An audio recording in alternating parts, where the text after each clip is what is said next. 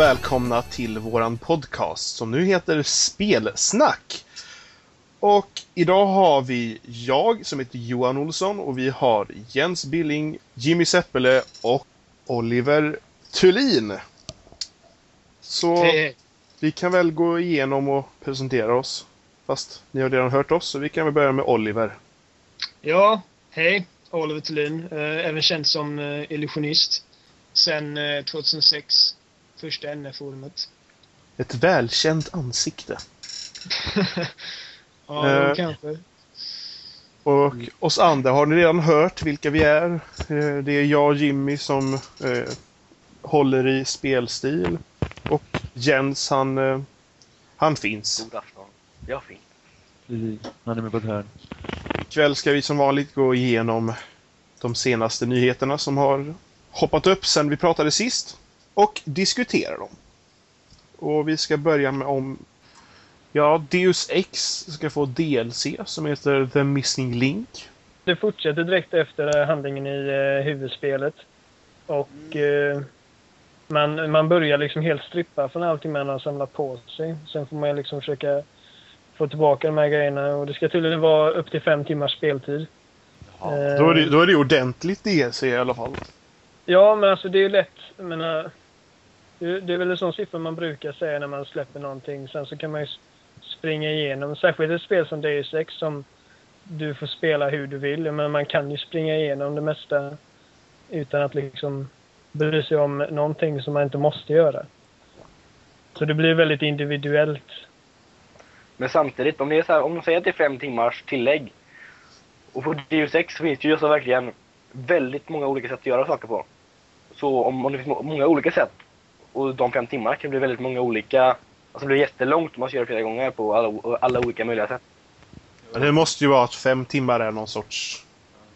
Ja men det är väl typ bara, de sätter bara någonting. Ofta brukar man kunna klara ut det, alltså utvecklare brukar ofta sätta en högre tid på att klara ut saker än vad det egentligen tar. Men eh, det här ska alltså utspela sig efter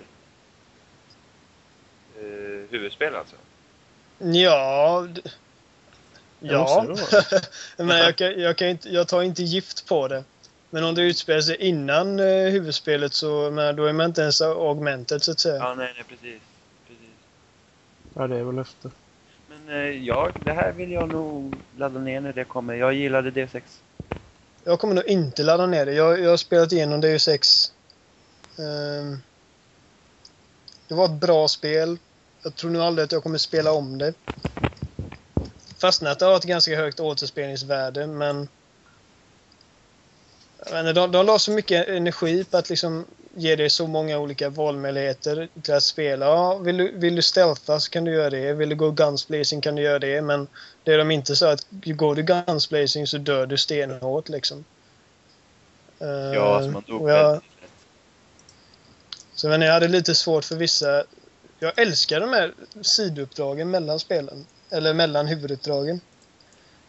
Eh, när man bara fick gå runt och liksom lära känna den här staden som de har... Eller städerna som de har skapat. Eh, jag hade väldigt svårt för huvuduppdragen. När man liksom bara sprang i eh, anonyma korridorer och eh, slog ner vakter utan att bli upptäckt liksom. Ja, vi tog ju det förra avsnittet också, just med, med bossarna också. Ja, Ja, bossen. fruktansvärt. Under all kritik alltså. Jag... Nej, Det var ett slag i ansiktet varje gång. Men de hade hyrt Verkligen. in, de hade hyrt in för bossfighten, så det är inte samma studio som har gjort bossfighterna. Så det har liksom de köpt utifrån. Ursäkta? Nej, men det är ganska Jag läste någonstans, det är ganska vanligt i spel att man gör så, men bossfighterna var liksom, det hade de liksom... Det var liksom inte de inne i studion som hade gjort utan det hade de liksom Då lärde man sig något nytt. Uppdrag av någon annan. Ja, det, då förstår man varför de var så dåligt gjorda. men jag känner ju verkligen att Deus Ex är ett sånt spel som inte behöver bossar i någon utsträckning. Nej, det är...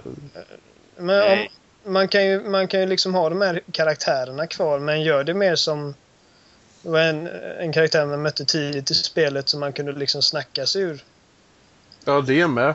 Så fort Ja. man liksom mötte en, en boss eller någonting och ibland när det kom liksom mellansekvenser så var det ju att så här blir det bara. Ja, du ska dö den dö. Och så Ja. står man där och liksom slösar bort eh, fyra raketer i ansiktet på han liksom.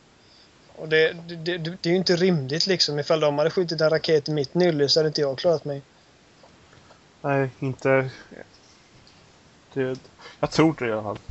Mm, mm, nej, men jag menar i spelet med. Ja, Så att... Eh, ja, nej. Låt bossarna vara till nästa gång. ojämnt som sagt. Eller gör dem bra, bra, bra mycket bättre. Jag känner mig, väldigt tyst för jag inte kan ett skit om Deus Ex. Mm. Nej, men det... Jag känner att bossar i FPS-spel, det, det brukar sällan bli bra. Men när... när Inte när, inte när liksom PC FPS mer som det här egentligen är. På det sättet. Ett, ett vanligt FPS. Man, man kan ju tänka som FPS då kanske är Metroid Prime till GameCube liksom. Eh, jo, jo, men, men det, nu, där, funk, där funkar det inte på samma sätt liksom. nej, nu, nu, nu ser inte jag Metroid Prime som ett regelrätt FPS. Nej, det var det jag menade. Nej. Det kanske också lite. Men tänker i Metro mer- Prime möter du ju liksom, du möter ju monster. Här möter du ändå människor som Ja. mycket som Ja, helst. precis. Nej, men jag menar det. Alltså, ett vanligt liksom standard liksom eh, PC liksom FPS så, Call of Duty och... så, så passar det liksom inte in att ha liksom en gubbe där du ska springa runt och skjuta på. Nej, men precis. Menar, Call of Duty har i alla fall liksom vettet att låta bossarna dö på ett skott. Ja, Fast då liksom, det är ju liksom... Jag tror att eh, termen boss... eh, man, man, man, man kallar gärna själva antagonisten i en berättelse för boss oavsett ifall den spelas som en boss eller inte. Nej, precis. Det kan ju bara vara även... Jag vet inte, boss överhuvudtaget som ord passar väl kanske inte in i dagens spelindustri egentligen. Nej, men det passar in i spel som ja, RPG-spel och eh, typ Ninja-guiden och sådana grejer. Men, Ja, jo det som är uppbyggt på det gamla. Ja.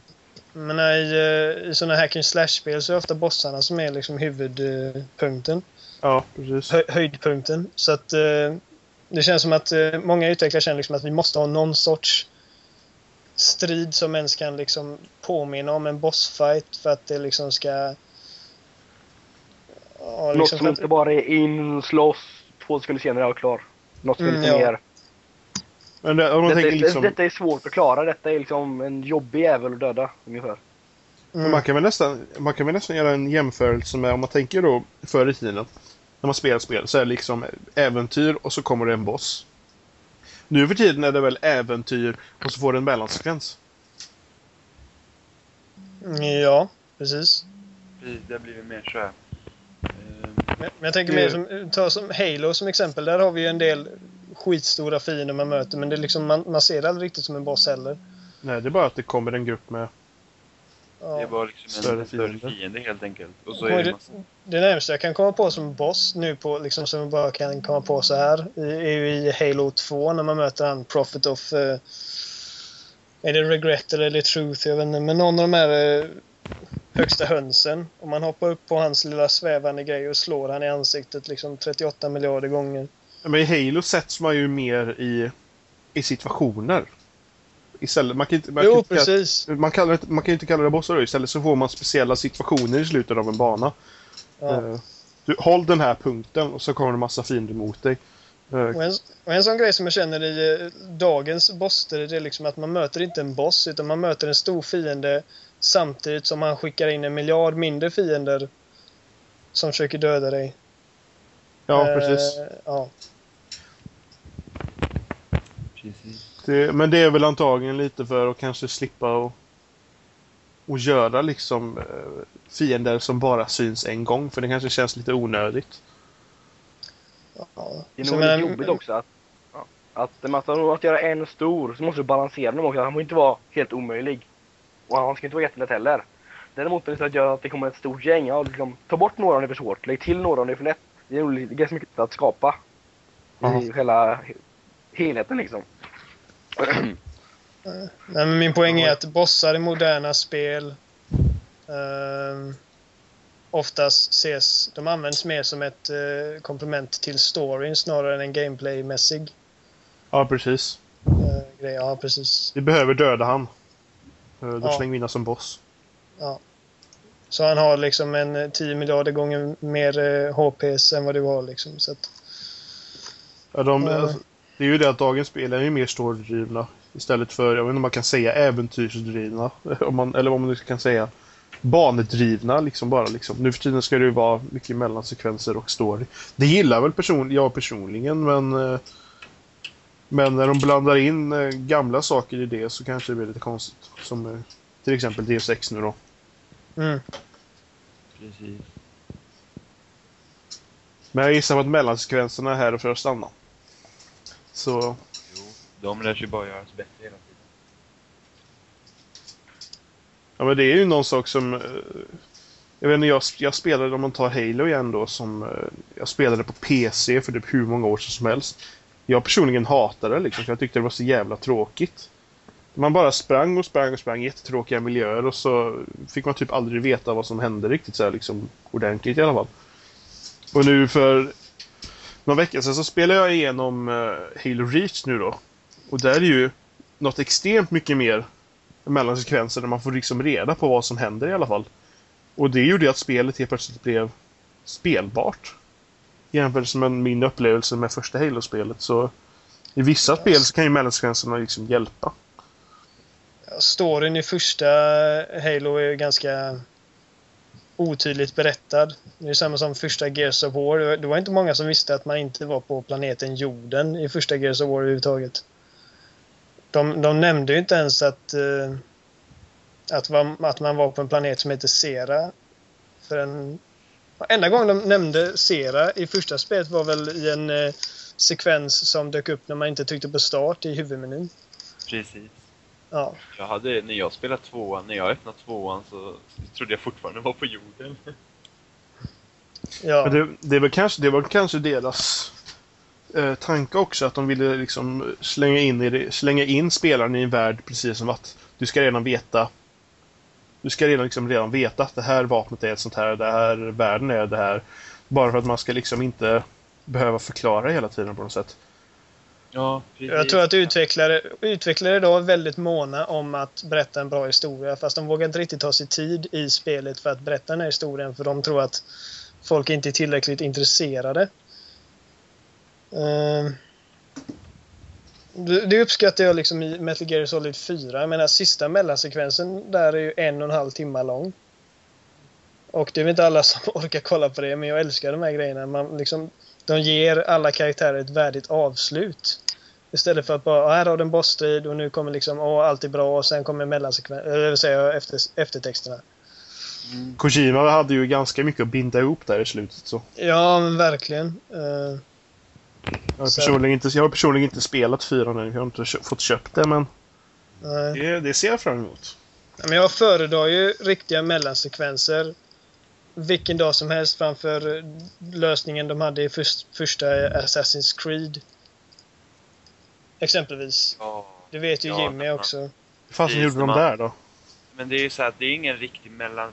Det var... Jag vet i vissa tillfällen så får man typ styra typ kameran. Man trycker på knappen så hamnar den i olika vinklar. Jaha. Eller så var det så att man var i spelet och då måste du gå. Men det var att du kan inte gå liksom till snabbt du måste gå segt med och det blir bara drygt. Men istället Liksom. för att bara ha en ordentlig mellansekvens där de har sin dialog och liksom det händer saker så har de att du fortfarande är i spelet med samma dialog men du kan inte röra dig mer än en radie på fyra meter Ja, Oj. precis. och De kolla på- på det liksom i eh, 15 olika vinklar. Jag menar, det var ju fruktansvärt jobbigt. Ja, det var segt och jag är gla- de dumpar ju det till tvåan, tack och lov. Ja. Jag har mig att, jag för mig att det var någon policy Ubisoft hade att de skulle göra sig av med mellansekvenser. Ehm, Jaha. Det kan vi nog tacka Half-Life 2 för. Half-Life 2 är ett sånt spel som... De är, de är liksom bäst i världen på att berätta en historia utan mellansekvenser. Ja, det är ju... Ja, men det här funkar ju för att... Men man blir väl låst några gånger? Blir man det?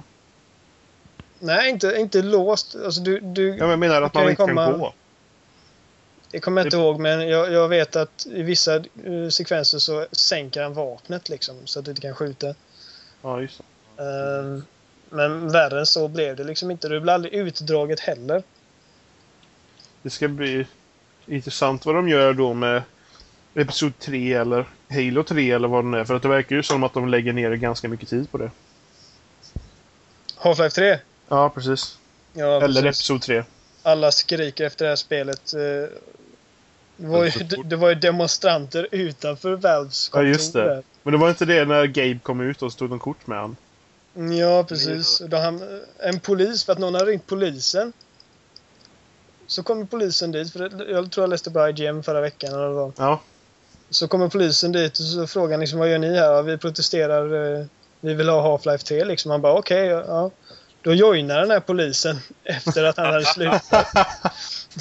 De satte sig där utanför och eh, Valve bjöd dem på pizza. Det var, sånt är ju verkligen mysigt. Nej, Valve är speciella alltså. Jag vet, inte, Ja. visst, vi- jag vet inte, du och jag snackade väl om Half-Life 3 i somras väl, Jimmy?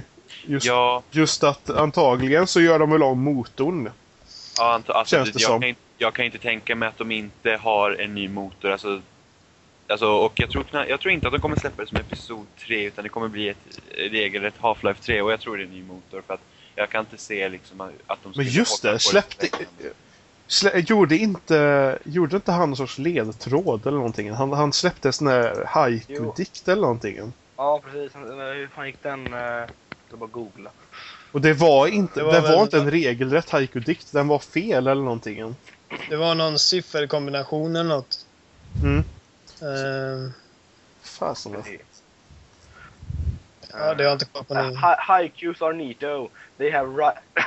Förlåt. Eh, they, have a, they have a right structure. Episode 3 chips in. Ja, och, Ja, inget mer. och grejen var att en av raderna hade en stavelse för mycket än vad det ska vara. Så då eh, är det ju bara att spekulera vad denna... Men de sitter ju, alltså varje gång Valve ska utannonsera något nytt så alla hoppas ju på Half-Life 3 jämt. Och de sitter på det där inne alltså. ja, det, det känner man igen sig i. Varje gång så här, man går in, kollar en nyhet så bara Valve, åh jävlar Half-Life 3! Och så kollar man och så är det något annat, typ Dota 2 eller vad det är. Ja, och inför varje E3 sitter man där. Ja, jag är nöjd så länge de utannonserar nästa Half-Life. ja. Det, Men, det ju, men det är så. I, I Japan-världen så har det ju varit samma sak med det här, vad heter det? Med det eh, Team IK-spelet. Eh, vad fan heter Ja, det? ja, Last Guardian. Ja, just det. Det har ju varit ungefär Ja. motsvarighet i, i Japan-världen om man säger så. ja För att eh, varje, varje var- gång det varit en spelmässa, alla bara Det här blir skitbra om det här spelet liksom är där. Och så är, är det aldrig det. Precis. Ja, men det var ju redan inför E3, då sa de med det. Bara, Ja, men Last Guardian. Så bara, nej det var inte där. Ja, men det kommer upp på Tokyo Game Show. Och så bara, det kom inte på Tokyo Game Show heller. Spel som aldrig... Spel som utvecklas stadigt men aldrig syns. Precis. Jobbigt. Ja just det, vad fasen... Uh, uh, var inte det typ kön till Gears of War 3 eller någonting? På tal på pizza. Köpte inte han Cliff, Cliffy B, vad heter det, pizza till dem i kön eller där? Ja, och massa eh, Pepsi eller vad det var. Ja. Jag såg satt, det en det var folk som köade en vecka innan. Oj jävlar. Så jag för mig att det var någon twittrare eller någonting. Eh, hookas upp liksom. Han bara ja visst. Och så fick de pizza och Pepsi. Ja, jag för mig, just det, så var det. De, han, de twittrade och så, så fixade han pizza. Och sen så twittrade de igen liksom, men fan vi har inget att dricka. Och då fixade han dricka också. Otacksam jag Ja, eller hur? Vad fan, vi fick pizza men ingen dricka. Och han pröjsade. Men det är samtidigt jävligt bra PR för honom också. Det är Ja, och det PR. kostar antagligen ingenting. Nej, Jämfört med vad han har liksom. Nej, precis. Men ändå schysst. Ja, för han hade ju kunnat valt att inte göra någonting. Precis. Jag tror han skiter fullständigt om det är schysst egentligen. Det är bara bra PR. Det är det man tänker på. Ja, men det, det, ingen, ingen gör någonting eh, för att vara snäll. Jag menar, det, det är de här eh, Nej. spelen man fick i eh, kompensation för PSN-grejen. De- är inte snälla. De, de överväger vad de kan göra för att få tillbaka sina kunder och Ja, det är precis. det billigaste alternativet. Det handlar alltid om pengar. Ja. Ja, ja. Annars ska man inte ha ett det företag över- överhuvudtaget. Nej, alltså ett, ak- ett aktiebolag eh, har ju en skyldighet till eh, aktieägarna att hela tiden öka företagets vinst. Annars så bryter de mot... Men det var väl eh, Infamous och Little Big Planet som man kunde välja av de fullpristitlarna. Ja, precis. Ja, men ja, men det det, är väl det, mest, det är väl det bästa man kan välja vid den tidpunkten i och med att Infamous 2 låg alldeles runt hörnet. Och Little Planet hade nyss släppts. Ja, jag menar jag hade inte köpt Infamous 2 i somras om jag inte hade fått första spelet gratis. Nej. Så menar, man gör ju det man vet att man kommer tjäna på. Det handlar liksom inte om snällhet. Nej, det, Så så, att, eh, är det alltid.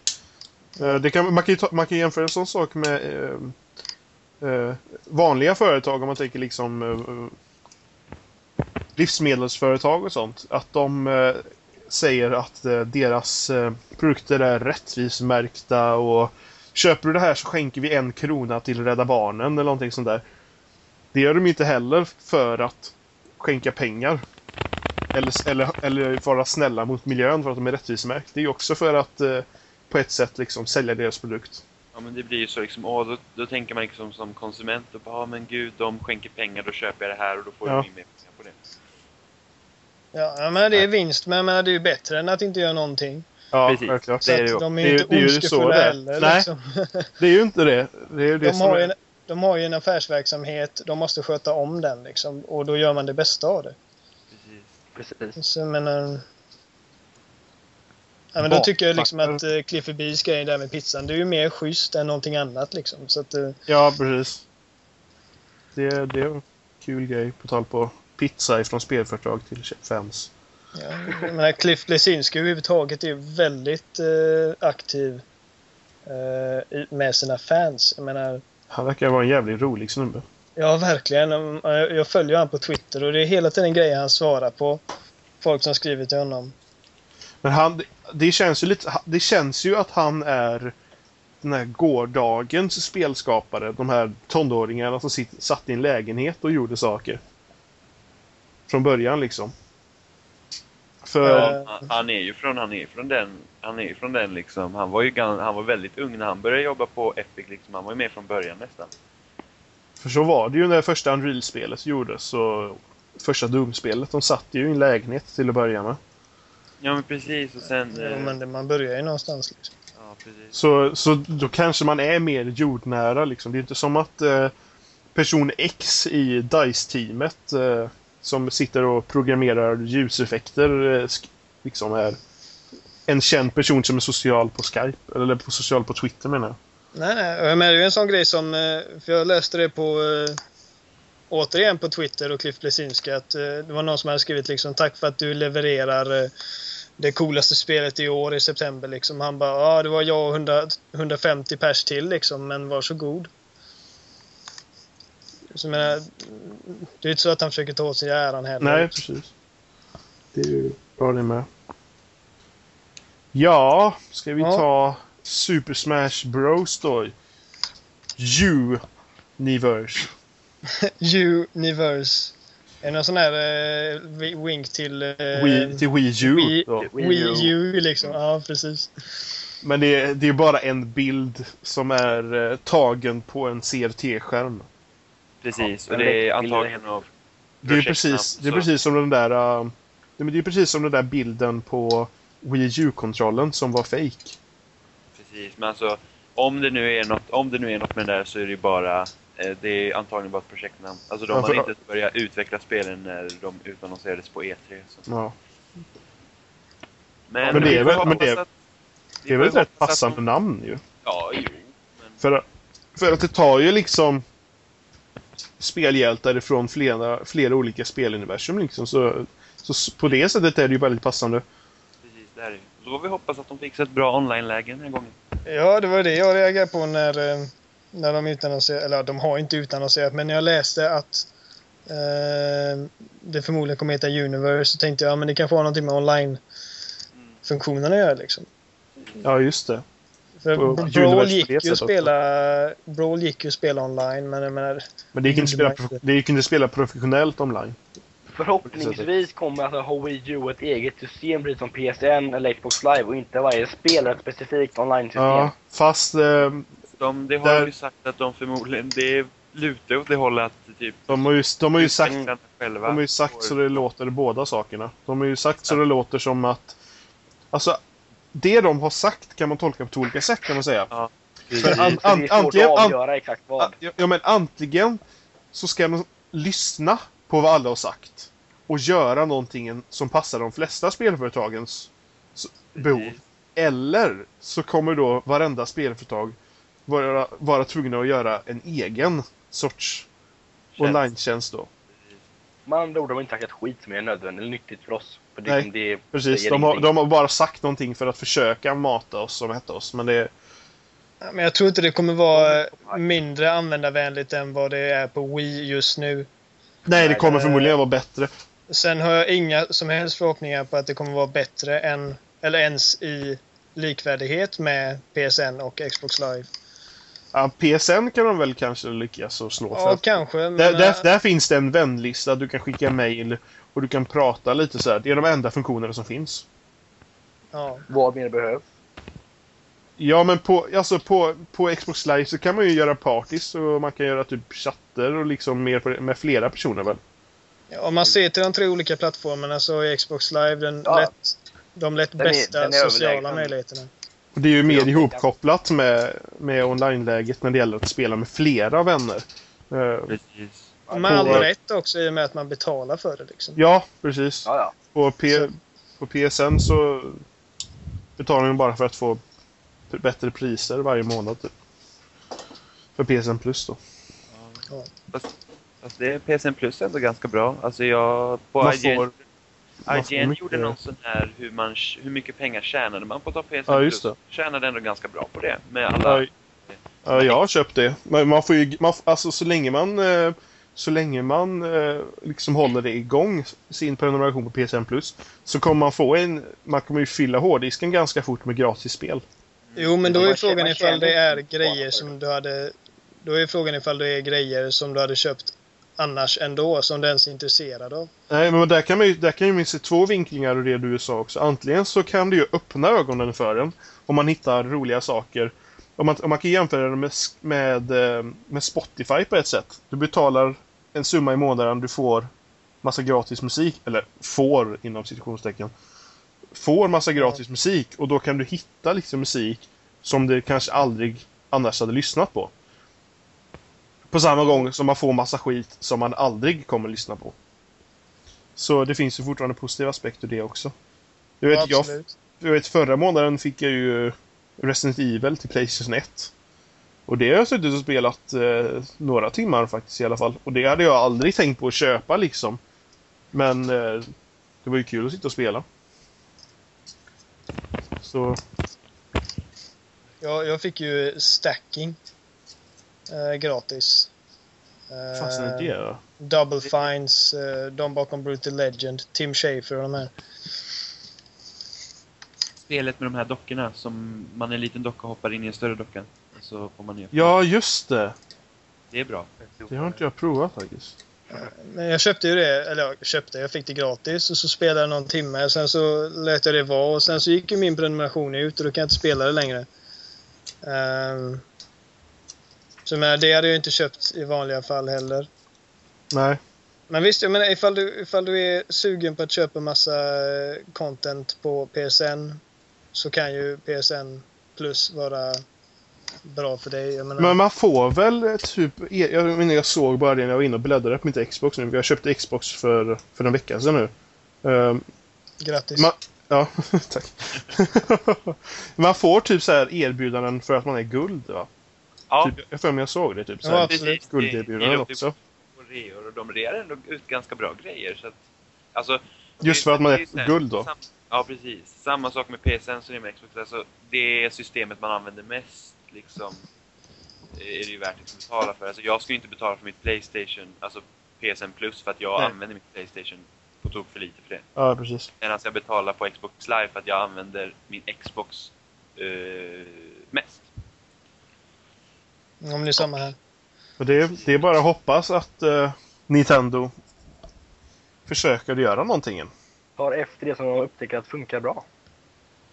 Ja. För, förhoppning, förhoppningsvis så sitter de där med ett Xbox och ett PS3 och tänker lite Hur har de gjort här? Ja, jo men förhoppningsvis gör de det för att det är alltså... Det ska vara skitkul. Alltså jag... eh, Alltså jag ska typ sitta och spela Mario Kart hela dagen. online. Alltså, Nintendo som har hårdvaruutvecklare har verkligen sjunkit i mina ögon nu. Alltså, det är... Spiken i kistan var den här extra analogspaken till eh, 3DSen. Ja, Det, De- Jag menar, alltså, det är liksom som att skriva på, i pannan. Liksom, Okej, we fucked up. Liksom, här, är, här, här ska vi lösa det. Ja, men precis. Så- Det, är, men det är precis så jag känner med Wii U också. Liksom. Vad, vad, vad, vad vill de? Vad?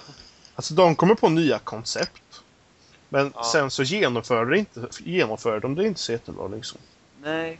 De försöker hela tiden förnya sig. Jag menar, I och med att de, de tog en risk med Wii och det lyckades.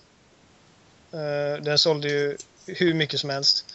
Och även om de hade velat göra en mer, ja, innan, eh, in, innan citat nu då, hardcore-konsol som Xbox eller PS3 så hade de inte kunnat göra det för de kan liksom inte göra en grej som Wii och sen inte försöka utveckla konceptet ännu mer. Ehm, då blir det liksom som att ett själverkännat, själverkänt fail igen liksom.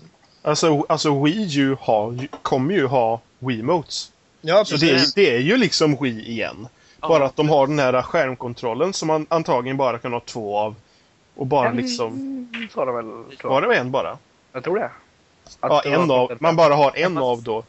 Så det är liksom... De utvecklar med tanken på en, men det finns möjlighet att du kanske möjligtvis kommer kunna använda två kontroller med skärm. Så det är ju liksom... eh, Ha ett DS på ett sätt, liksom två skärmar. Men, men Och hur, du spelar med Wiimotes också. det är det som är konstigt. Hur gör du med split screen-spel? Som inte använder sig av... Ja. Alltså, men tänk till exempel... Tänk nu till exempel, ja men nästa Call of Duty kommer till Wii U tillsammans som till de andra konsolerna och så har du Spec Ops och du kan köra split screen. Eh, då måste ju båda använda Wiimotes, det måste ju vara samma kontrollstyrning och då är ju hela den här nya kontrollen värdelös. Då kanske man ser eh, poängställning där, så lägger man den i soffan. Ja, Jag vet inte. Jag vet inte riktigt vad de, vad de, vad de försöker göra liksom. Jag menar som jag känner med just prestandan i Wii U. Den, den Zelda-demonstrationen som alla har sett och hyllat. Den hade ju lika Ja. gärna kunnat göras på en Playstation 3 eller, eh, eller en Xbox 360. Ja, Anledningen det hade ni gjort. Anledningen till att vi liksom får rysningar när vi ser det är för att vi aldrig sett Zelda på det sättet. Nej. Nej, men så är det. Så, är det För- som alla, för att all, allt, alltså alla ska på hela marknaden. Bortsett från typ Kinect och sånt, kan göras på PC också. Eller på vilken konsol som helst, bortsett från Wii, för den är klenare. Men egentligen så alla trailers vi ser kan utföras på alla konsoler som finns också. Och, eller, ja, eller PC helt enkelt. Men det är ju bara för att det är just, åh, det är just det som vi gillar.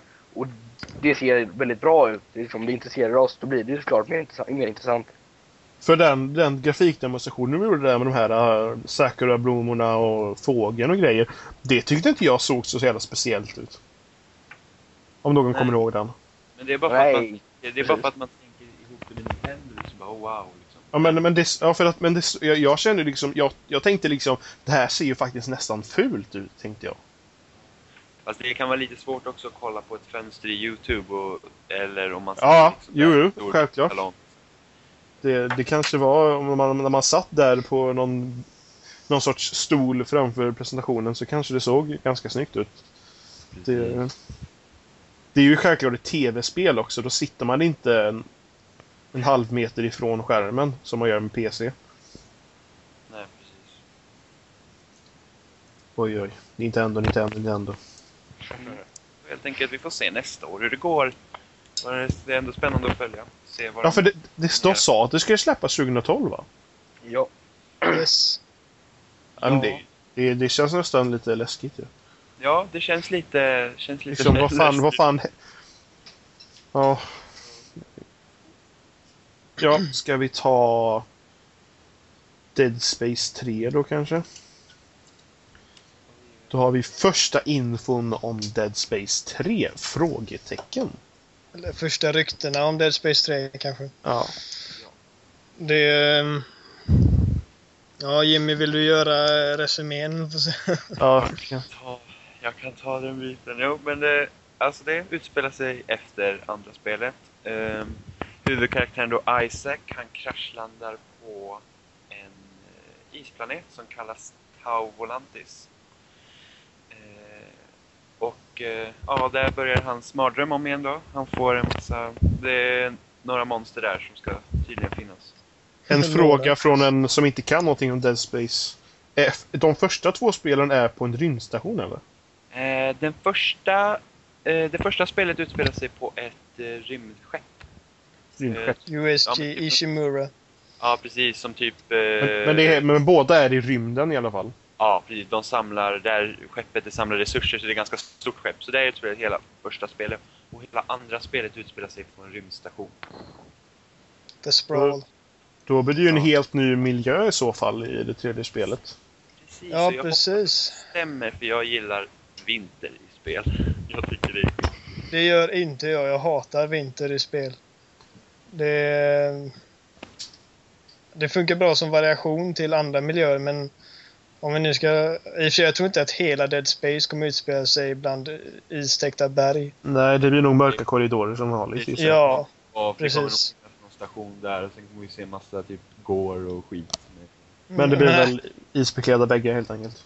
Ja, men det, nej, jag, alltså, jag gillar ju... Alltså Dead Space 1, jag tycker det är skitbra. Men är det någon, jag tänkte bara liksom snö i skräckspel. Ska det inte Resident Evil Revelations i 3DS utspela sig i snömiljö också? Jo, precis. Menar, är det någon...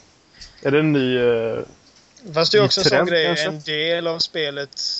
Ja men den trenden kände jag redan 2009, men när Modern Warfare 3 visades på eh, Ja, snöbanan. Uncharted, Uncharted 2 skulle ju, de, de skröt ju med sin snygga snö. Och... Eh, Men det är väl att- exempel. Det kanske är en sån där grej, liksom muskelgrej, precis som typ vatten kanske är. Ja, precis. Och nu nästa är ju sand då. Men... Eh, jag känner eh, första trenden var väl eh, Mellanöstern och nu är det snö liksom. Ja. Det... jag gillar jag välkommen snö. en grej jag reagerade på om infon om Dead Space 3 där är att de fienderna kallades Hive Mind. Eh, så det är tydligen inte Necromorph som det är första två spelen. Nej, men alltså Så jag, det är alltså nya miljöer och nya fiender? alltså jag känner ju bara, jag kände det redan i tvåan att, för att jag är ganska rädd av mig när jag spelar. Jag blir typ rädd för allting. Jag kände att tvåan var inte läskig just på grund av att jag kände igen fienderna. Men då försöker de ju verkligen göra någonting med trean då i så fall. Om de Precis, om det, byter det, miljö och byter fiender. Precis, det passar perfekt om det är nya fiender för då kommer det bli den här känslan igen att man inte vet vad som händer. Och det Mm. kan det bli Mm. riktigt bra. För mig var det ju två grejer som dödade skräcken i tvåan och det var ju ja, dels då det här liksom familjära, det här har man gjort förut, jag vet hur man dödar de här. Eh, och att det var alldeles för actionbetonat. Ja, precis. Men mot, mot slutet där i tvåan, det var ju ridiculous. Alltså man dödade ju Ja. 500 fiender verkligen. Det var, det var Det- eh, stress istället för skräck. Något så fruktansvärt och så någon, något jättemaster som jagar dig som man inte kan döda.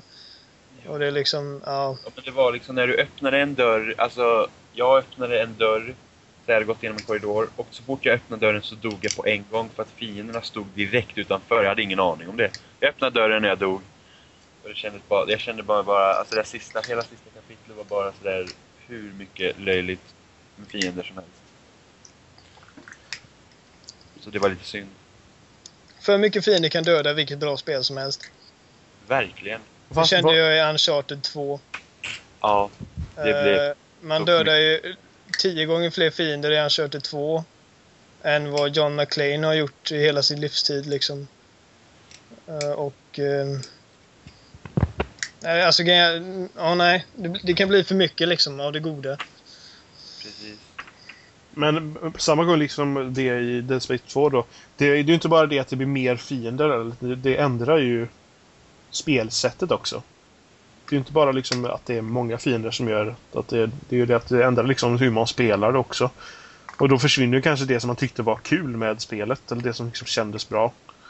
Så rent speltekniskt så tyckte jag ändå att tvåan funkade bra mycket bättre än ettan i och med att man, man hade bättre rörelsemöjligheter och det, du behövde inte gå in i en meny för att ta health packs och grejer utan du tryckte bara på en knapp så var det klart. Ehm, men det var nog mest det här liksom att det var sånt oerhört tempo genom hela spelet och eh, med ettan gav det dig gav det verkligen tid att bli rädd liksom.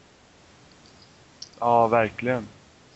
det var ju många gånger man... eh, Den bästa delen i tvåan eh, ska vi nog inte ta upp nu när jag kommer... Spelet är inte så gammalt i och för sig.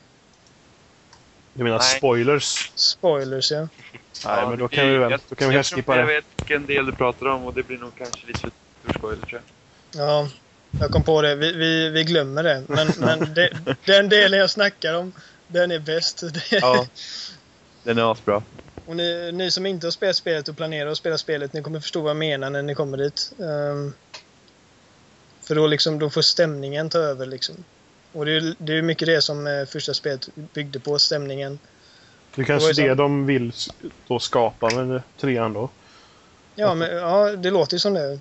Precis. De kanske tar liksom det bästa från ettan och det bästa från tvåan och så puttar de in det i trean och så blir det skitbra. Det är ofta så det låter inför ett tredje spel i en serie. Första spelet gör någonting, de har någonting som de gör bra. Tvåan är liksom, då är all fokus på att det ska bli större och bättre. Och sen trean tar man det bästa från båda två delar och eh, liksom levererar det bästa spelet liksom. Och sen kan det bli hur som helst. Ja.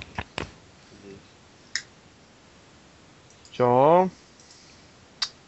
Gratis DLC till Portal den 4 oktober. Ja. Det smakar Ja. alltid gott. Ja, de ska släppa Portal DLC då. Portal 2 DLC. Men det är gratis. både P... Ja, det är free. Free DLC för PC, PS3 och Xbox 360. Woho! Den Nu kallas... kommer vi in på den kallas- vad som är snällt igen. Ja, just det. Ja. Men den kallas då för peer review. Uh, om jag har fattat det rätt. Och den släpper då för både, både single player och multiplayer. Eller för co-op. Uh, ja. Ja, båda kampanjer helt enkelt. Och uh, ja. Jag ser fram emot det faktiskt. Det, jag gillar Portal. Ja. Det är ja, Portal 2 är ju sinnessjukt bra. Och, eh, jag tycker fortfarande Portal 2 är typ det bästa som har släppts i år. Det enda som är synd är att de är så korta spelen. De är för korta. Ja, fast jag tyckte tvåan hade ändå ganska bra längd med tanke på att det var både single player och multi, eller co-op-kampanj. Alltså, ett ju spel kan ju bli för långt också. Ja, jo. Ja, man, alltså, man spelar igenom det på liksom en eftermiddag. Alltså, Men hade det varit längre så hade det kanske varit sämre. ja, vem vet. Det kan nästan hända det för att alltså... Men- Portal 1 men det är just det också att- hade perfekt längd. Och Portal 2 tyckte jag också hade perfekt längd för att det inte skulle bli för mycket. alltså, Och sen som sagt, DLCn är ju gratis också så det blir ju som att det är förlängning av spelet helt enkelt. Som kommer Allt för att vinna kunder. Eller, ja. Ja. Det är. Ja, men det är ju Eh. som eh, Michael Pachter, eh, en eh, spelindustriövervakare kan man kalla honom. Han sa det att Valve är experter på att tjäna pengar. Han är förvånad att de inte får trycka pengar själva. Så att de kommer få tillbaka det här på något sätt liksom. Precis. Alltså, bara det att de släpper det här DLC gratis är ju liksom att det alla andra, liksom, alltså företaget får gott rykte. Det gör så att fler folk liksom kanske blir intresserade av deras produkter. Ja, precis.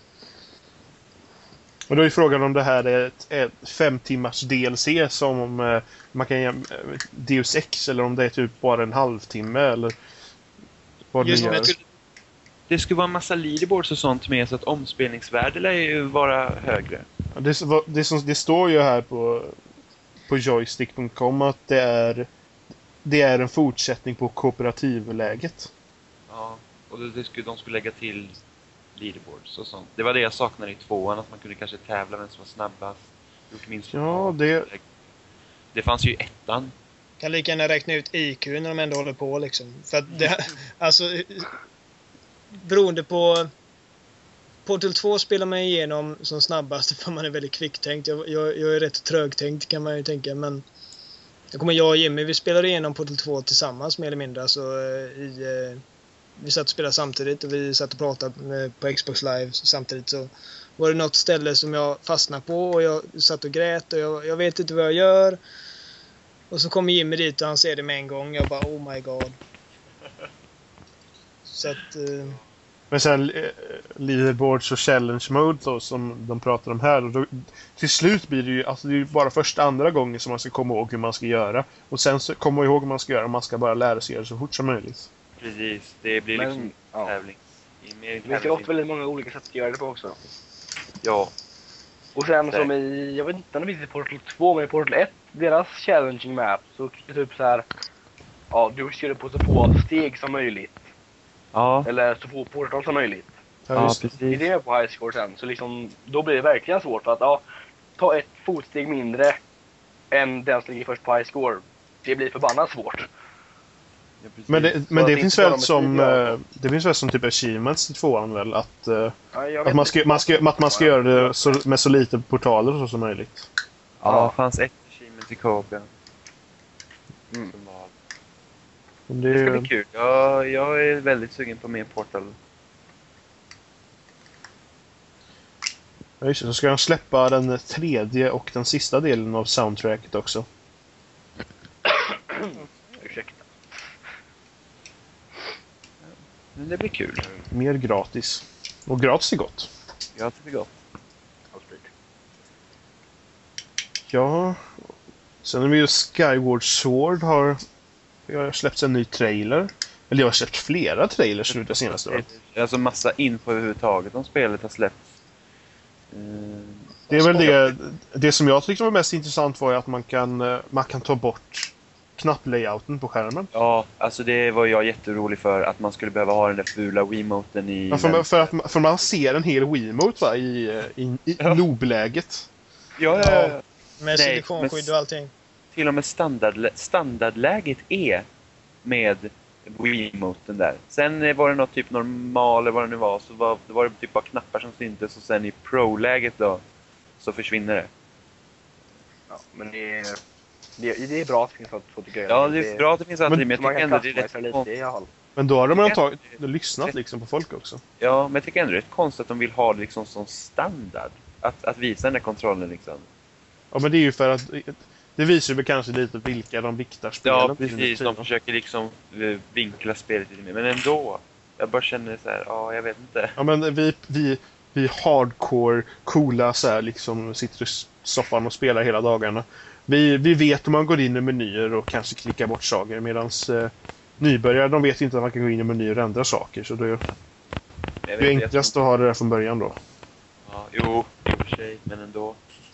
Men jag har inget emot att se vilka föremål man har signade till de olika knapparna, men att ha en hel kontroll uppe liksom Nej, i precis. hörnet. Ja, precis. Det är bara du. Och sitter man på en liten skärm så, så tar det upp mycket skärmyta.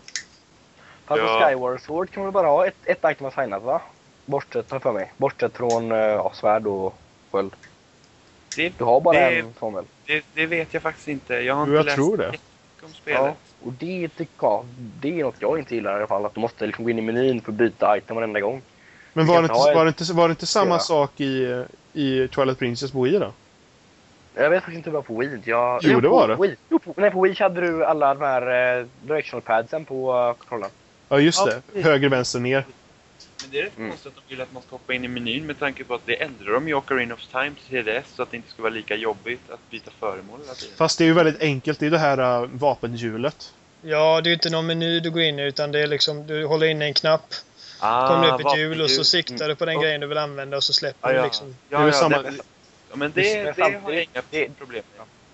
Men det, det, det interruptar fortfarande gameplay så, här, så du måste ändå in, bort från själva liksom, vad som händer i spelet.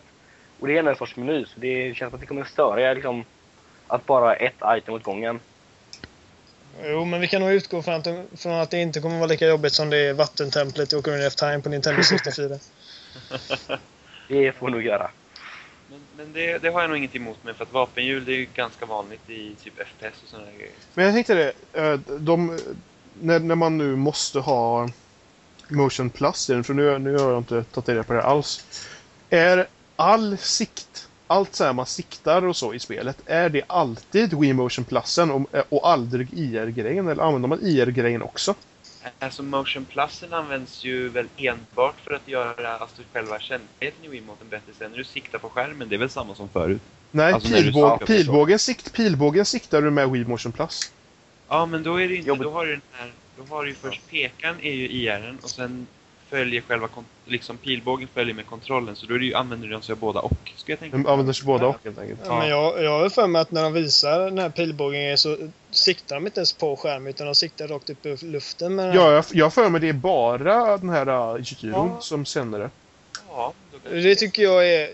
Alltså om det nu är så att alla items styr, styrs med Wii Motion Plus istället för IR. Det är ju skitbra för att jag har massa grejer i vägen. Ja, precis. Funkar det liksom bra så... För att, eh, för att IR är ju liksom värdelös verkligen. Ja, ja, men nu, ja, för precis för att Wii Motion Plus känner av hur kontrollen är exakt. Ja, Ja, precis. Ja, precis. Ja. Det blir det som liksom är gyron i, i 3DSen liksom. Så den... Och, tre, och i 3DSen funkar det liksom bra när man flyttar runt den och grejer. ja, det funkar. Väldigt Så bra.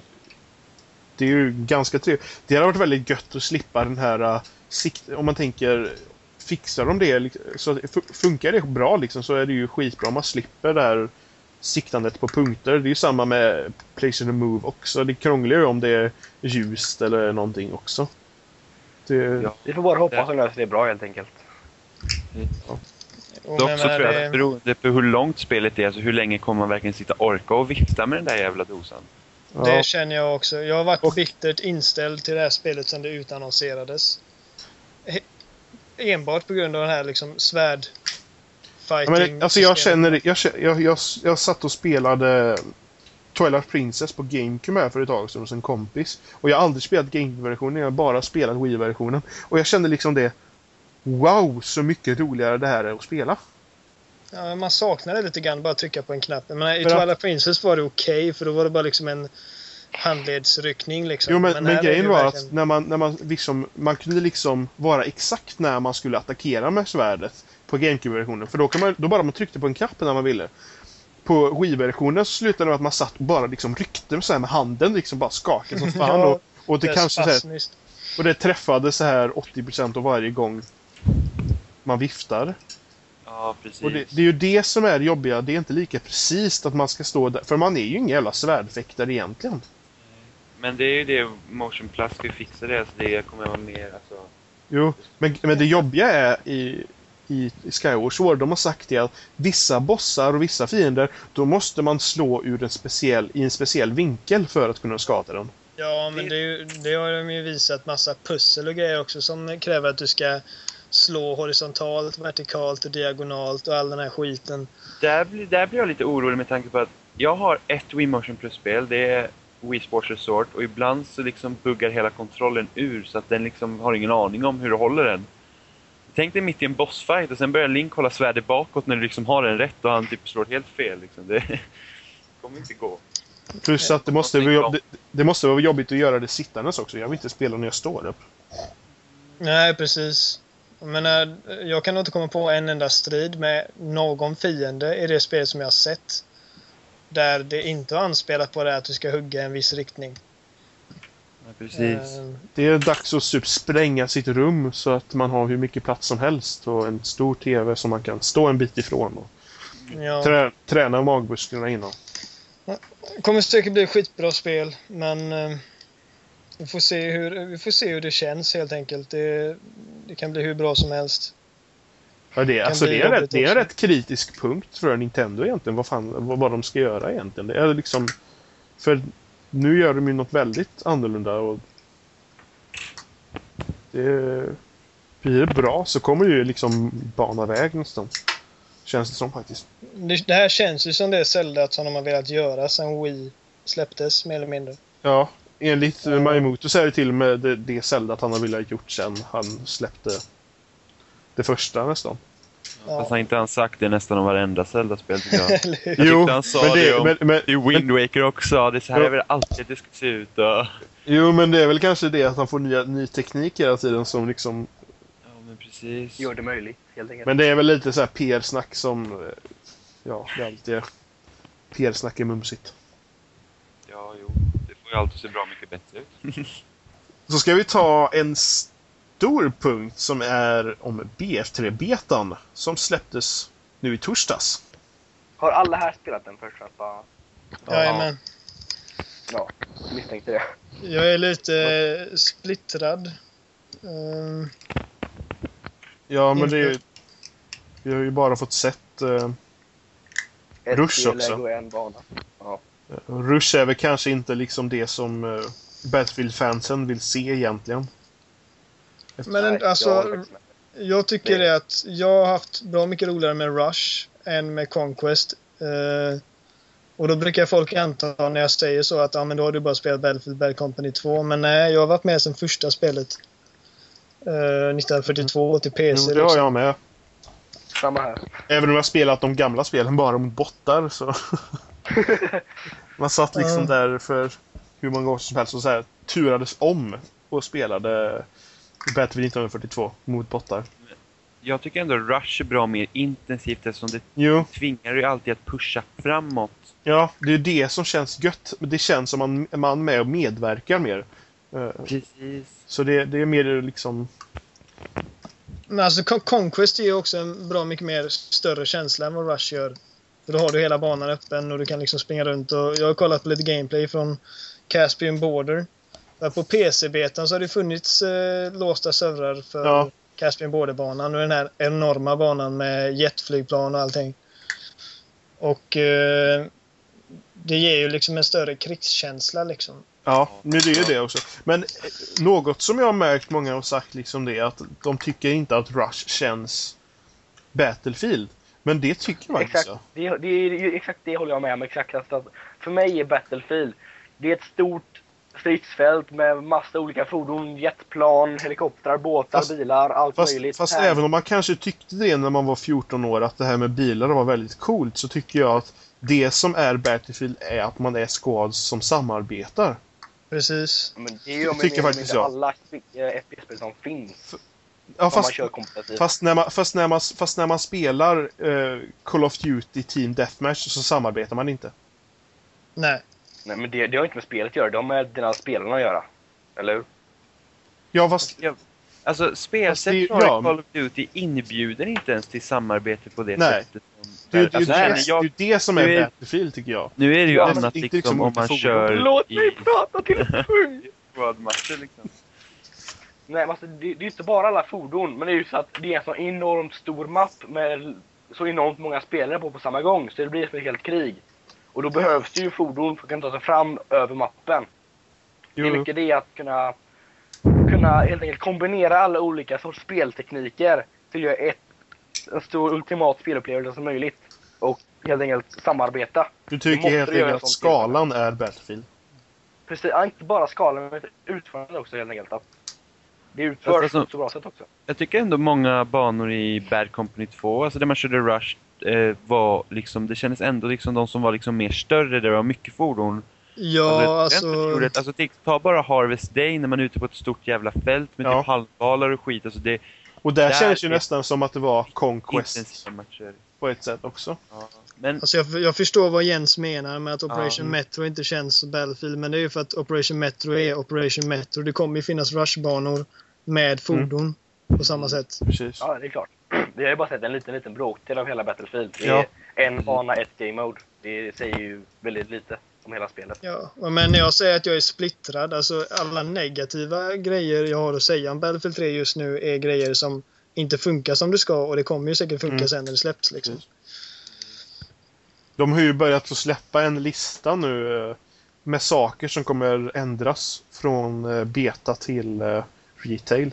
Jaså? Ja, det är en jävla Ja. massa som måste Den, första, den första delen är rätt så kort, men det är en, som de sa också, det här är första delen på flera delar då av den här listan. Och det är ju, det är ju som sagt liksom olika buggar då, liksom ramla igenom marken.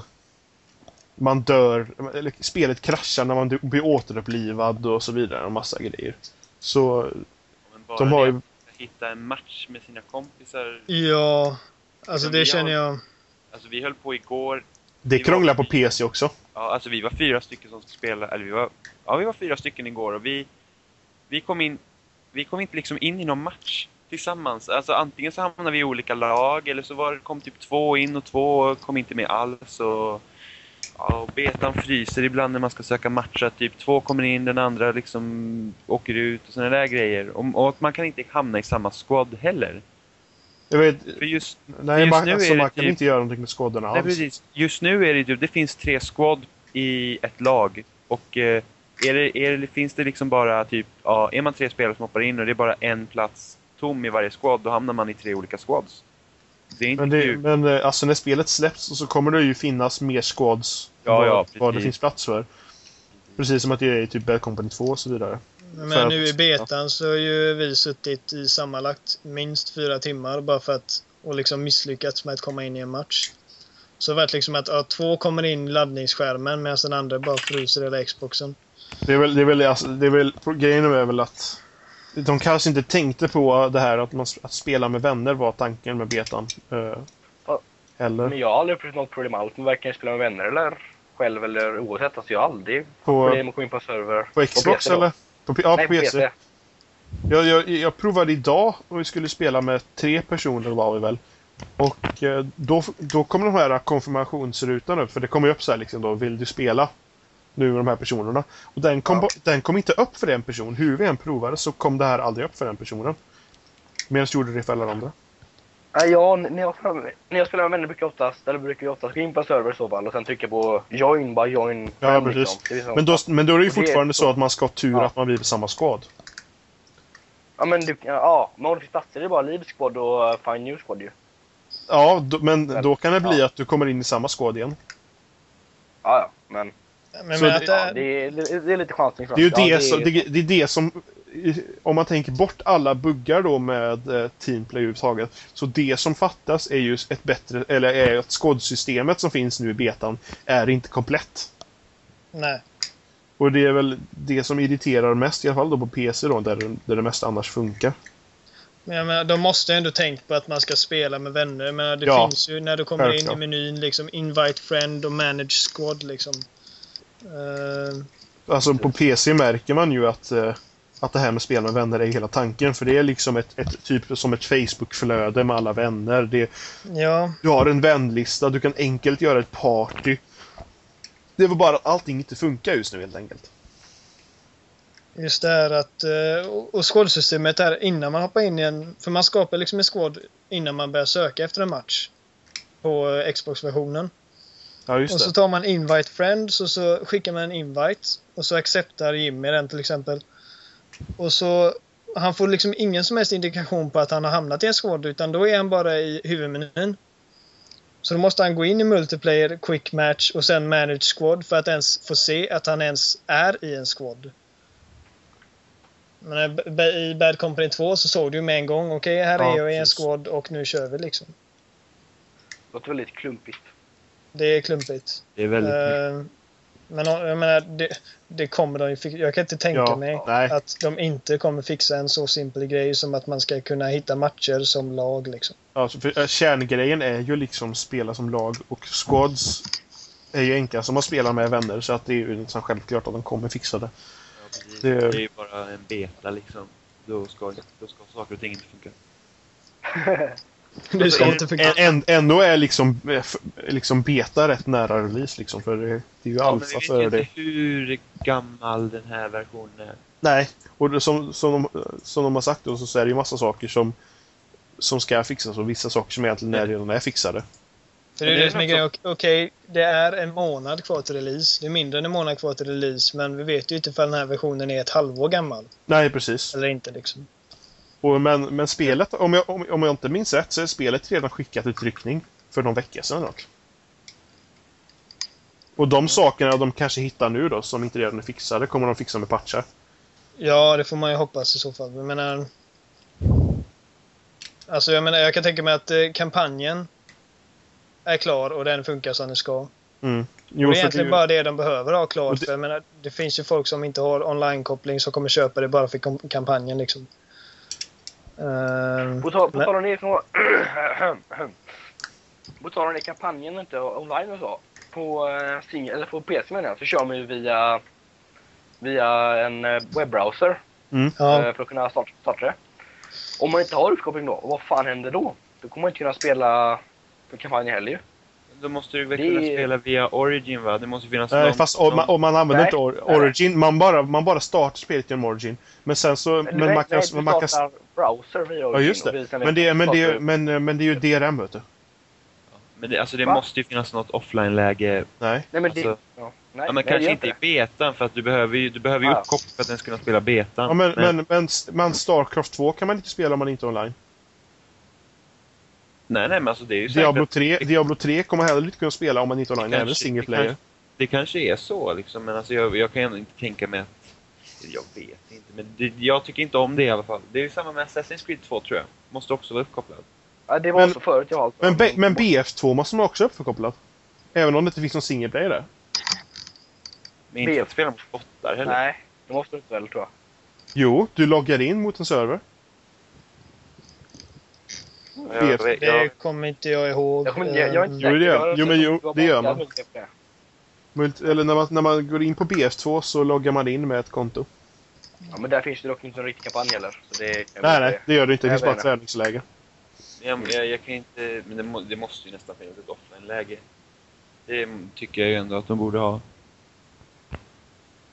Det- vänta Men alltså, vem, vem har inte internetuppkoppling nu för tiden? Nej, det är ju det. Det är ju bara det om... eh, Men vad händer Det om du de spelar kampanjen och det- eh, internet går ner då? Ja.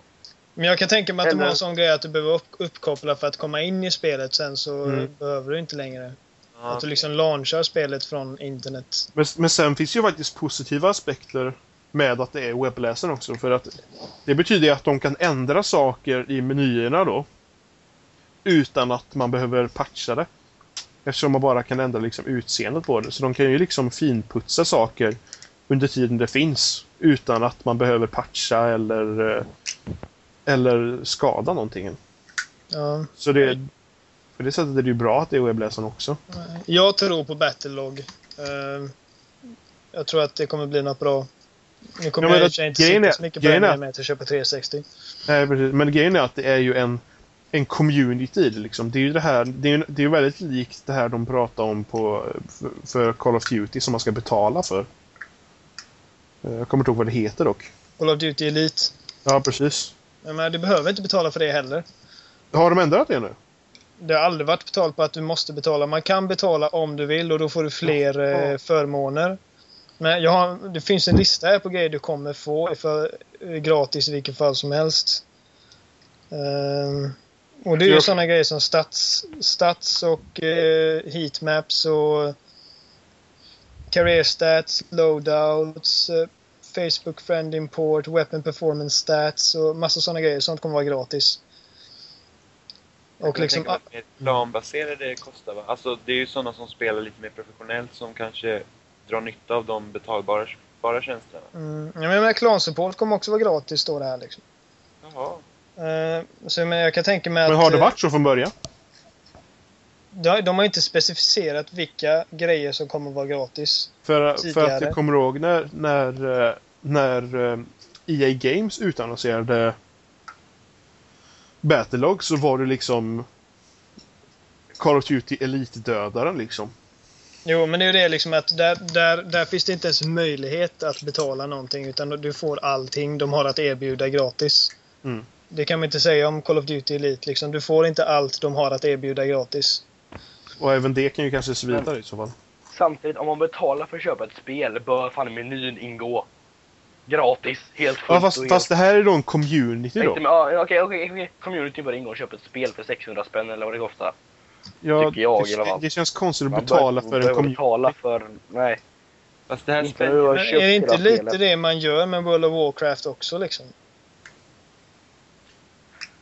Jo. Det... Ja. Fast nej, jag tycker man, där betalar man ju för de servrarna liksom, som håller spelet, tycker jag känns som. Jo, men grejen är att med, med, med World of Warcraft så behöver du betala för att ens kunna spela. Men det behöver du inte göra för Call of Duty. Här har du någonting du kan betala för att få lite extra gojs Man kan väl se jämföra det med PC Ja, men, men, men, men samtidigt, alltså det, jag vet, jag, jag själv tycker också att man, det visst, det vore fint som fan om WoW var gratis också. Men WoW uppdateras ju ganska mycket, de gör nya instanser, nya patcher, alltså nya, nytt, väldigt mycket nytt. Och tänk från, från release. Det är nytt spelcontent liksom. Ja, det blir väldigt mycket nytt. Alltså tänk från release, så har jag spelat ganska många, några tusen på. Men sen har man ju varit tvungen att betala Ja. för expansioner också. Jo, Ja, och det de är ju en sån grej. mycket. De, de kostar inte, inte lika mycket som att spela ett spel. Men det är ju en sån grej som vi 6% vet att eh, ifall man betalar för Call of Duty Elite så kommer man få alla tilläggspaket gratis. Ja, det är en sån sak. Det är, Alla Så det- mappack. Så det är som en sorts prenumerationsavgift då nästan för att få allting gratis på ett sätt också. Ja, precis. De har en sån grej till uh, Gears of War 3 också, Season Pass. Så du betalar... Hur mycket var det? 2000... eh, 2600 poäng va? 2600 poäng och det är väl en 300 spänn ungefär. Och så får du alla deras eller deras, deras fyra första eh, map packs eller vad det nu kan vara. Jag vet inte om de kommer göra fler än fyra men det är i alla fall fyra de har snackat om. Och då tjänar man, vad var det, 33 procent? Spara. Ja. Ja. Så jag menar, eh, jag tycker inte vi ska döma ut Call of Duty Elite innan vi vet exakt vad det är man Nej. betalar för. Nej, det Nej, har, det- inte- det har jag inte gjort det heller faktiskt. Nej. Men det, är- det är bara att gräva fram kritiken liksom. Ja, jag, jag kommer nog aldrig betala för det. Nej, det kommer inte jag heller. För att jag är inte intresserad. Jag har ju spelat Modern Warfare 2 som ett svin. Och nu, eh, nu känner jag liksom att Modern Warfare 3 ser ut att vara mer av samma och jag klarar inte av det. Liksom. Det, det blir för mycket. Men, men på samma sätt så, så känns det ju på ett sätt att, att BF3 är mer av samma också. Eller, Gör det det? ja men fast ja, det känns ju rätt an, Alltså, ja, det är ändå det fast ändå inte. Alltså om du jämför Modern Warfare 2, eller för all del Black Ops då som är det senaste i serien, Mm. med Modern Warfare 3. Och sen jämför för du Bad Company 2 och Battlefield 3. Eller kanske en rättvis bedömning kanske BF2 i så fall. BF2 och BF3. Jo, men Ja. nu är det i och för sig... eh, Battlefield 2 släpptes väl 2005 och det är väl Jo. sex år sedan.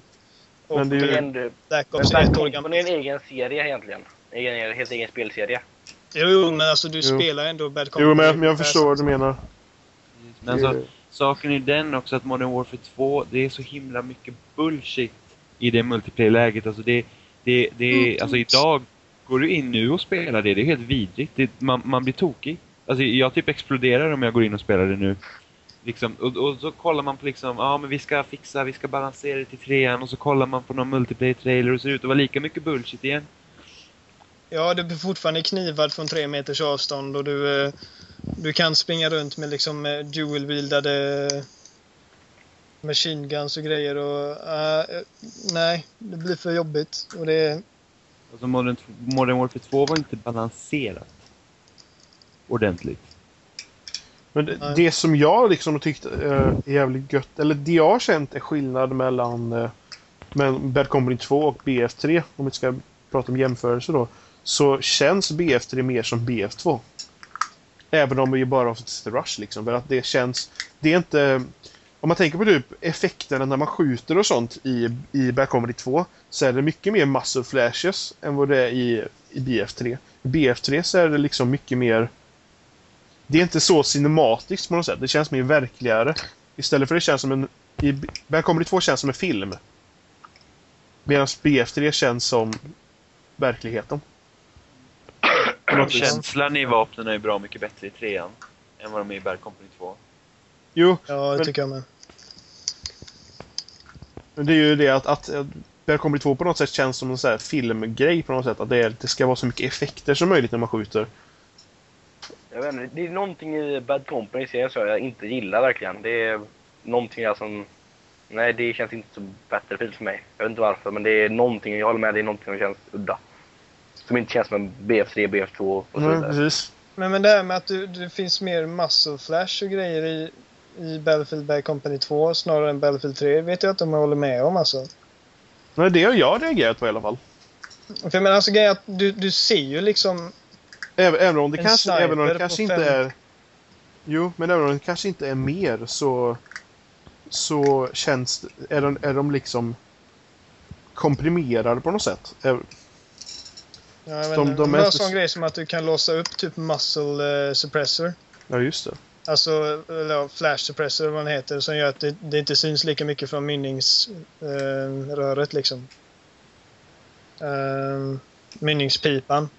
Ja, det är, helt, det är möjligt att du har rätt. Jag vet inte, för jag, jag känner bara liksom att jag, jag när man har kört eh, Battlefield 3-betan nu så, så har man fått massa kills bara för att man skjuter mot hållet där jag ser liksom att det blixtrar lite grann. Och det Ja, händer ju aldrig i eh, Bad Company 2. Men det kan ju bero på att nere i tunnlarna där så är det mörkare. Men nu, men nu, men nu, tänk, nu tänker jag på de muscle-effekterna som man ser själv. Inte på, det, inte på motståndarnas. Jaha. Okej. eh, ja, det, det har Det ingen, kanske, det kanske, det har, nej, det kanske inte ens tänkt på. det har jag ingen eh, åsikt om. För det, det, jag, jag tänker inte så mycket på Nej. vad som kommer ut i mitt vapen. Nej. Bara det, bara det hamnar i fienden. Ja. Men, eh, men på det sättet har det blivit verka så som du säger, att man kan se fienderna också. Eh, deras, men det är ju också det här uh, optics glare, eller vad fan man kallar det. Ja, Att, eh, att man ser uh, op optikens reflektioner. ja, det är ju skitbra. Alltså, jag, det första intrycket jag fick, för att jag hatar verkligen sniper. Ja, precis. i alla spel. Jag, jag tycker det är, det är liksom kackerlackorna i spelindustrin just nu. De är överallt. Och, Men, men det känns ju som att det är en bra kompensation för att snipers nu kan ligga ner. Ja, precis. Och det var det första jag tänkte på när, när jag fick reda på liksom att ja, i det här spelet kan vi lägga oss ner. Jag kände bara åh, alla kommer vara snipers. Eh, och det är sjukt mycket snipers nu i betan också, men det är bra mycket enklare att se dem för att liksom blinka till någonstans där i en buske liksom. Eh, så det tycker jag, det tycker jag funkar helt okej. Men sen är inte Operation Metro inte jättesnipervänlig heller. Vi får se hur det ser ut på de större banorna sen. Ja, Det är första, Ja. första delen av den som man Ja, kan det- ja, snipra. även, om, Det- även om det inte hjälper så kan man snipra. Precis. Ja, Alltså, det, det första delen man dör mest av snipers på. Ja, men den är också, den är ändå ganska smal. Jag kan tänka mig liksom lite större banor och sitter någon på någon jävla bergskant och så sitter han där och äcklar sig. Vi får enkelt, helt enkelt vänta och se, och se hur det blir. Ja, precis, precis. Men det är bara liksom, man känner så här, bara tankar som ploppar upp liksom. Så ska vi ta en annan stor punkt. Som är Gears of War 3. Som släpptes nu för några veckor sedan eller något sånt där. 20. Den 20. 20. Ja.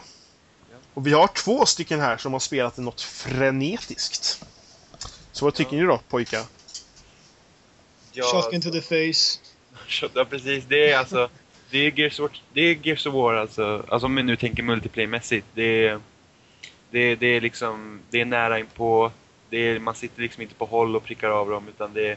Man, man tar shotgun och så, så går man in och så... Det måste vara jävligt gött. Ett spel utan snipers. Du, det finns snipers också. Alltså, Det finns snipers. och de, som, de många som använder snipers, de är så jävla duktiga. Alltså, vi mötte en kille i veckan. Alltså det var helt sjukt. Alltså, du, det spelar ingen roll hur du rör dig, han fick det i huvudet ändå. Han var Ja. CP snipern. Han fick mig säkert fem gånger och Jimmy skrek så hans hals gick av. Det var... Det beror, ju på, det beror ju på hur banorna är utformade också såklart. Precis. Alltså, ingen bana är direkt jättesnipervänlig, men liksom, har du sniper så får du vara duktig med den. Du får vara beredd att röra dig Ja, med det, är ju, det, är ju, det är ju inte vapnet i sig som är den irriterande snipern utan det är ju hur banan tillåter snipern att agera. Ja, och banan precis. Men, men i alla fall, Gears of War, det, det som skiljer sig mycket från andra multiplayer-spel att det här är... Det, det känns tyngre, du, du, det är liksom mer... Det är ganska eh, snabbt spelande ändå. Är liksom span, du går in och du går in med din shotgun och så du vet att det, liksom, det kan vara kört. Missar du ett skott så är det kört i princip. Eh, Och det gör ju det att man, man blir mycket mer, alltså jag i alla fall blir mycket mer uppspelt när jag sitter och spelar. Så för att, just för att det är så tätt in på allting. Du är nära dina motståndare hela tiden och, och dör man så skriker man och blir helt galen. Det är sinnessjukt tempo alltså. Ja, Det. Men ganska de förra Gears of War-spelen, de har ju också haft en ambition att bli väldigt bra multiplayer-spel. Liksom att konkurrera med Halo och de här eh, andra spelen som äger multiplayer-tronen på 360. Eh, men det har varit väldigt... De har haft host advantage och grejer de tidigare delarna. Eh, så att man, man är liksom... Såvida du inte är host på den servern du spelar på så är det alltid ett väldigt underläge. Och eh, det har egentligen bara varit ett vapen i hela spelet som varit effektivt i alla situationer och det är shotgunnen. Nu i trean så är det, för det första är det dedicated servers. Allting flyter på jättefint. Det funkar, det funkar skitbra verkligen och eh, alla vapen har helt plötsligt ett, ett, eh, ett syfte.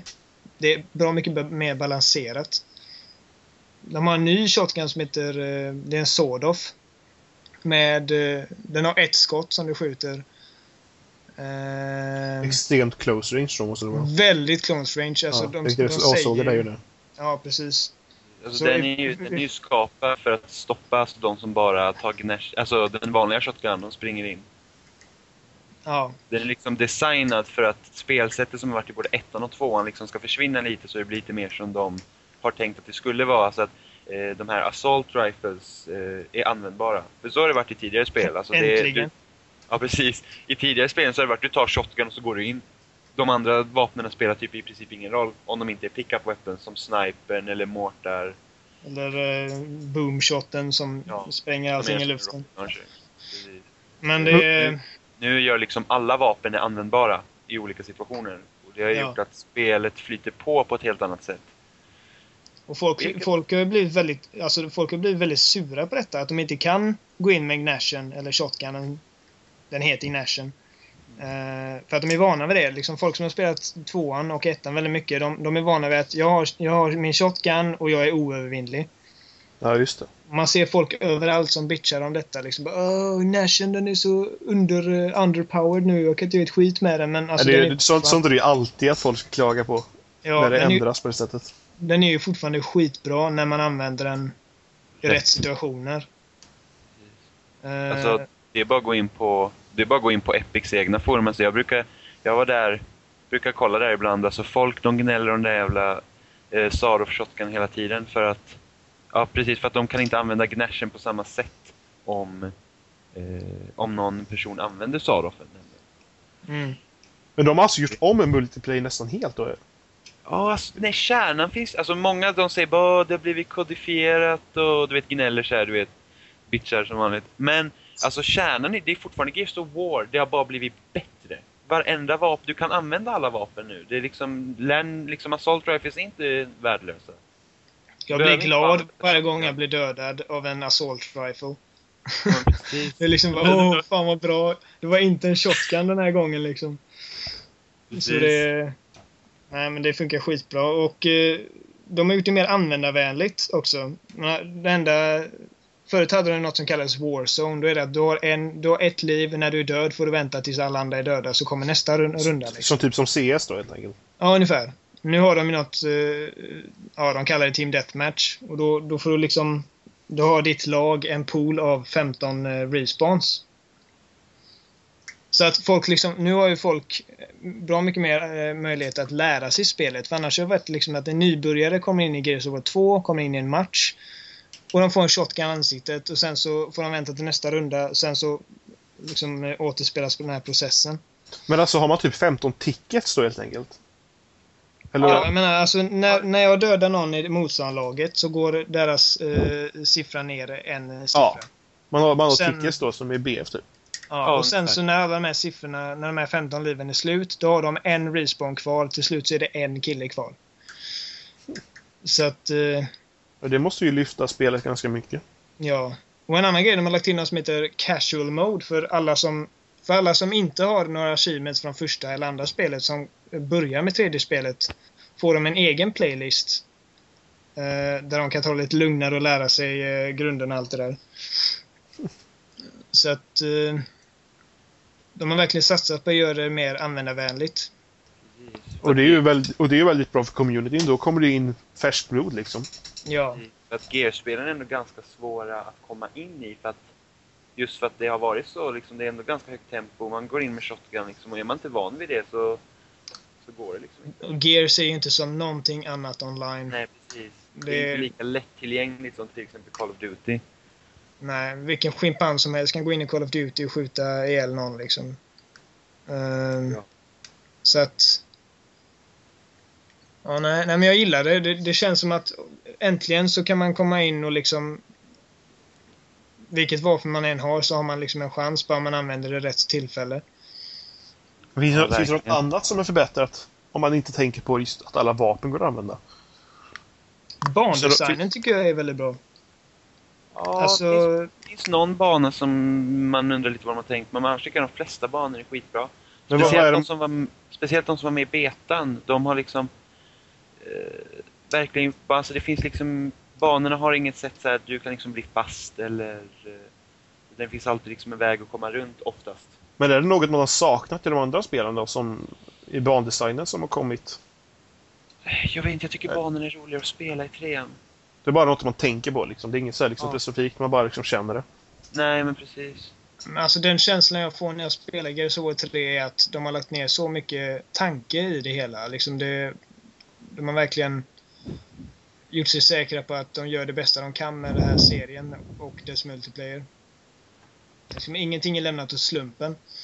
Som en sån grej, när man, om det var någon som spelade betan så fanns det en bana som heter Trenches och där kunde man lätt bli spåntrappad. Alltså man blir liksom instängd i sin spån. Mm. Nu går inte det längre för att nu, eh, nu kan du komma ut från två olika håll. Ja, just. Sådana grejer. Så att, Men det kan ju vara något man kanske liksom känner i spel som till exempel COD och liksom det här uh, serietillverkningsspelet på något sätt. Att det, det finns ingen liksom genomtänkt tanke liksom, precis precis som du säger om de här bara, Att det inte finns då liksom det i COD. För det känns men som jag, det åkte jag, ut på ett rullband. Jag har aldrig sagt eh, att Call of Duty är eh, ihopslafsat. Nej, nej.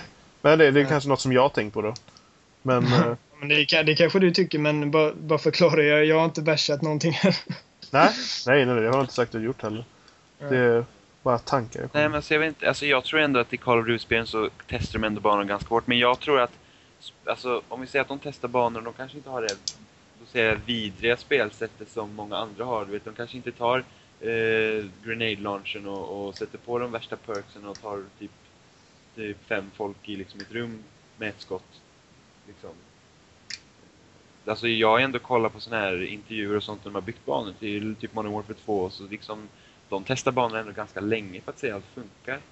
Men, Ja. men spelsätt i Gears är bra mycket annorlunda än vad det är i Modern Warfare och sen... Eh, ja, jag vet inte.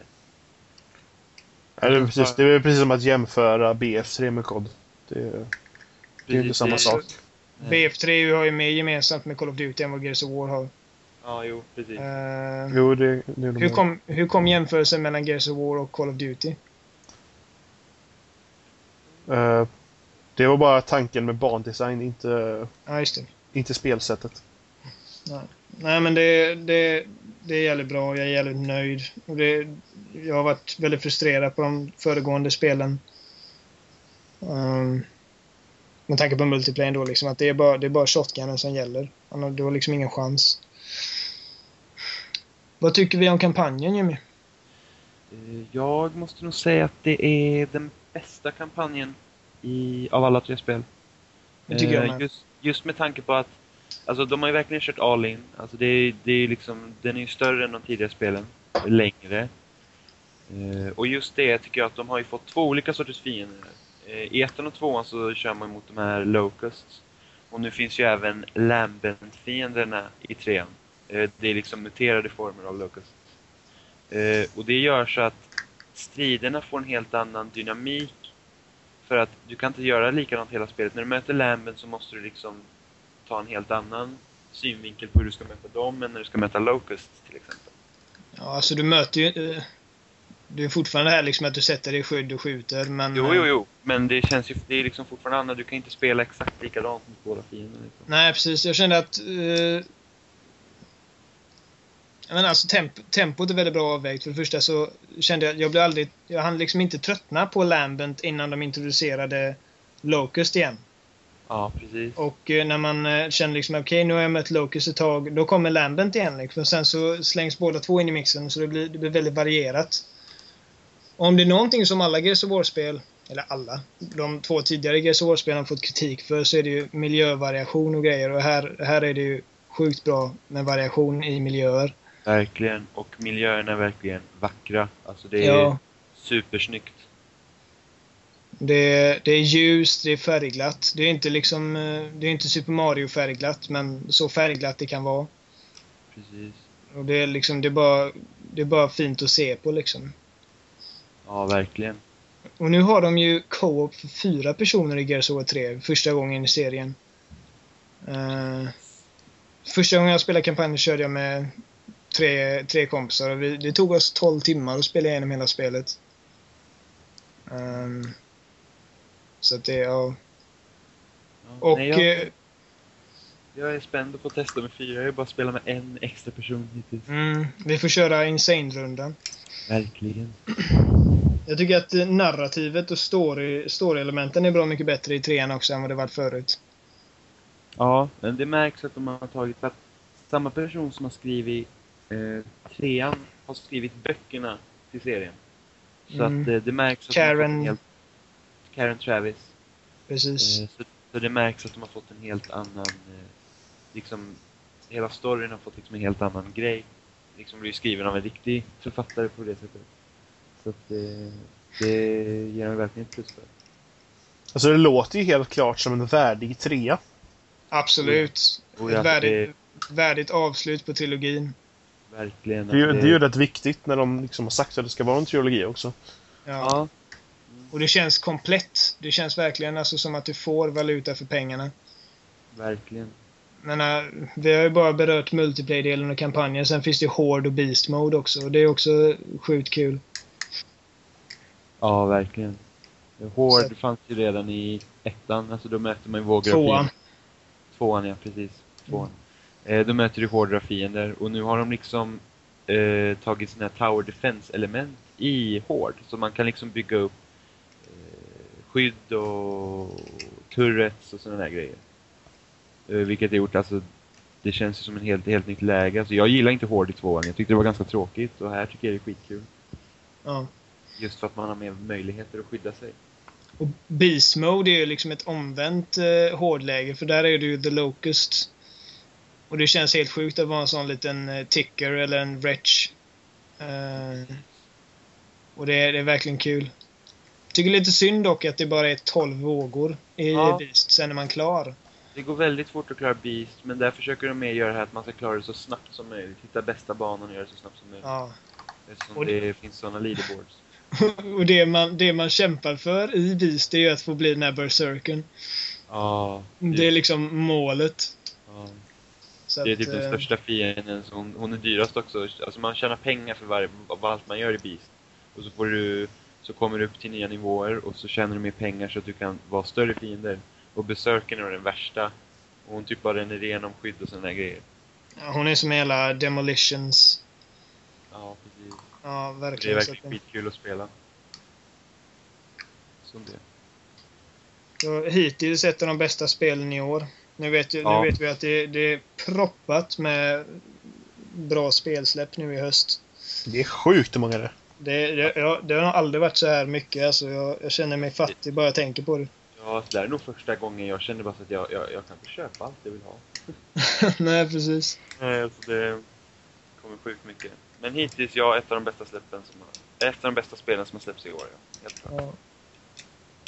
Om inte det bästa för min del. Alltså jag, jag, Gears of War var spelet som fick in mig i HD-gen- eh, HD-generationen. Ja. Och eh, även om jag tycker att, jag vet att Jimmy tycker att Portal 2 är liksom den mest självklara eh, vinnaren av årets spel hittills så så eh, jag, inte, jag tycker att Portal 2 är ett sjukt bra spel men det är inte det bästa jag spelat i år. Um, Gears of War 3 är verkligen sinnessjukt bra. ja. Rekommenderas helt enkelt. Precis. Så alla som inte har eh, köpt det bör göra det. Johan. Mm, jag vet det. Johan. Men grejen är, att, grejen är att jag vill spela de första först. Ja, men Single player i alla fall. Nej, jag, jag, har spelat, jag har spelat ettan på PC typ. Ja, men den är ju värdelös den konverteringen Ja, alltså. den Jo, konverteringen. jag vet det. Nej, men jag ska, jag ska, jag ska köpa den. Det, det kostar ju inte så mycket att köpa ettan som så här Classic eller vad den heter. Nej, den är Så- väldigt billig. Det finns en sån här dual pack då du får eh, båda två och eh, med All Fronts Collection DLC. Mm, nej, det Eh. kanske jag borde leta upp faktiskt. Mm, ja, det finns på webbhallen. med den. Men det är, ja. Gears of War 3, tummen upp. Ja, verkligen. Balanserat, välskrivet, köttigt. Hur många baconostar får den då? Eh, av vadå? 10 eller 5? Äh. Nej, vi tar fem. 5. Jag kan inte ge det en 4 för då blir det som en 8. Fem baconostar då. 5 Ja, baconostar för mig. Ja, jag måste ha fler fem baconostar. Men det, ja. Vem fan heter baconost resten? Nej, Ja, det, det blir 5 motorsågs assault rifles. ja, det är mer passande. Fem motorsågar. Vad jag gillar baconost. Bara- Jag med, men... eh, Mm, baconost. Vad fan är baconost? Ja, har, du, har du aldrig sett baconost på tub? Det är väl, det är väl sån här Fan vad typ. äckligt. Ja. Nej. Jag vet, jag vet bara att en kompis åt det typ hela tiden under gymnasiet. Baconost. Nej, det är... Bacon är ju gott, men flytande kladdig jävla baconost, vad fan är det? Med, med små baconbitar i. Mm. Förstöra bacon så. Ska vi, ska vi, låta, ska vi låta Baconost avsluta programmet? Eller avsluta podcasten? Då har vi pratat nu en riktigt bra stund. Så eh, vi får väl tacka för oss. Och så ses vi på Spelstil och vi ses om två Hörs. veckor igen. Ha det bra allihopa!